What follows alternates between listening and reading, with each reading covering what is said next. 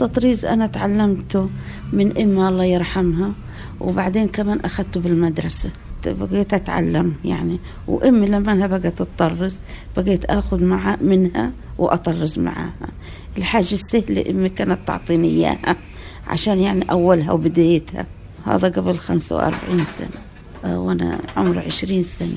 مهنة التطريز تعلمتها فتحية عنبر قبل عشرات السنوات وعملت فيها من خلال مركز سلافة للتطريز.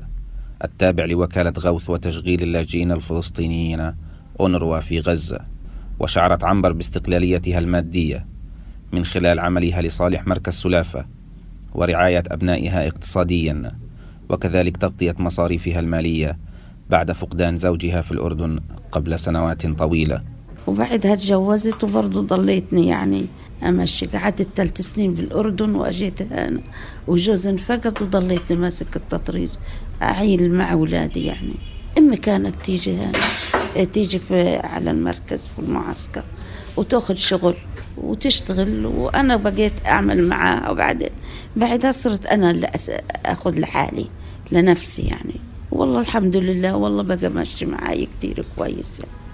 والسلافة كويسة يعني بقت تعطينا شغل تعطينا الشغل وبقيت أشتغل. لليل بقيت أشتغل طول الليل من أطرز يعني وقفوا معاي يعني يعطوني القماش الأبيض لليل عشان أوضح وأشتغل في الأسمر في النهار.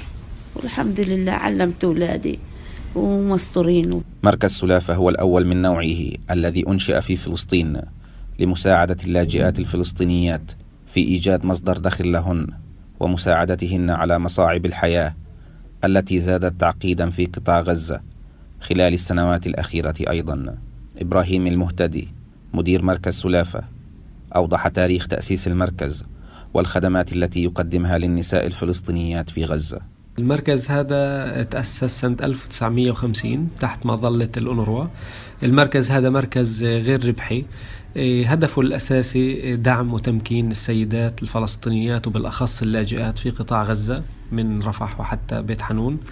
إيه، من خلال قيامهم بأعمال إيه، التطريز.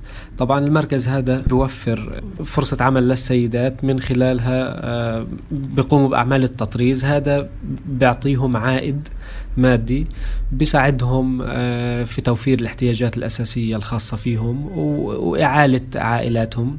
في ظل الأوضاع آه، الصعبة اللي بيمر فيها قطاع غزة. طبعا المركز تقريبا بيوفر العمل هذه أو الفرص هذه لما يقارب 300 سيدة سنويا. 300 سيدة موزعين على تسع مراكز آه، نسوية في قطاع غزة. بتم متابعتهم مباشرة آه، من خلال خبيرات أو معلمات تطريز تابعين لمركز سلافة. من خلال المعلومات هذول آه، هذول يعتبروا حلقة الوصل بين المركز وبين السيدات.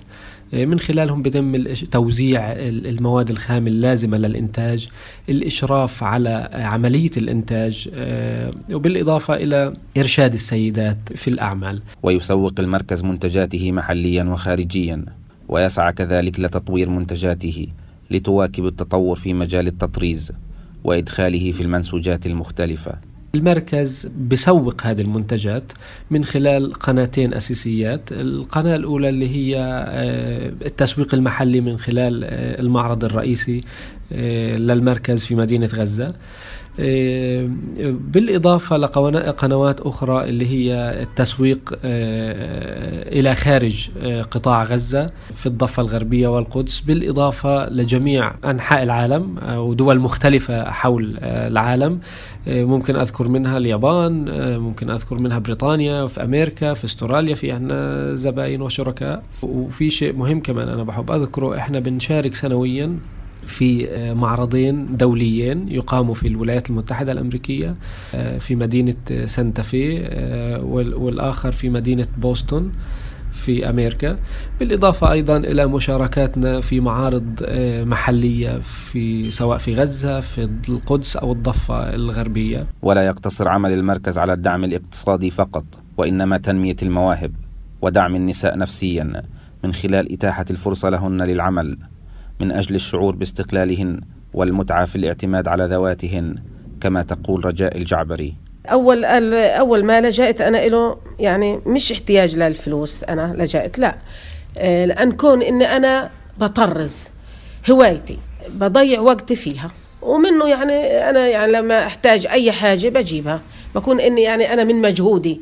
يعني مش إني أركن على زوجي أو أركن على ابني أو يعني الحمد لله ابني كان لسه صغير يعني وزوجي يعني زلمة كبير. بس أنا يعني كنت أحب إني أجيب إشي من عرقي أنا من تعبي. بحس إني أنا تعبت وأنتجت وجبت. بتحس فيها لذية أكثر يعني تنبسط أكثر ومع زيادة الظروف الاقتصادية صعوبة في قطاع غزة يسعى مركز سلافه للحفاظ على استمراريته في العمل وزيادة عدد النساء المستفيدات منه. وكذلك تطوير وسائل تسويق منتجاته محليا وعالميا. حازم بعلوشة إذاعة الأمم المتحدة غزة.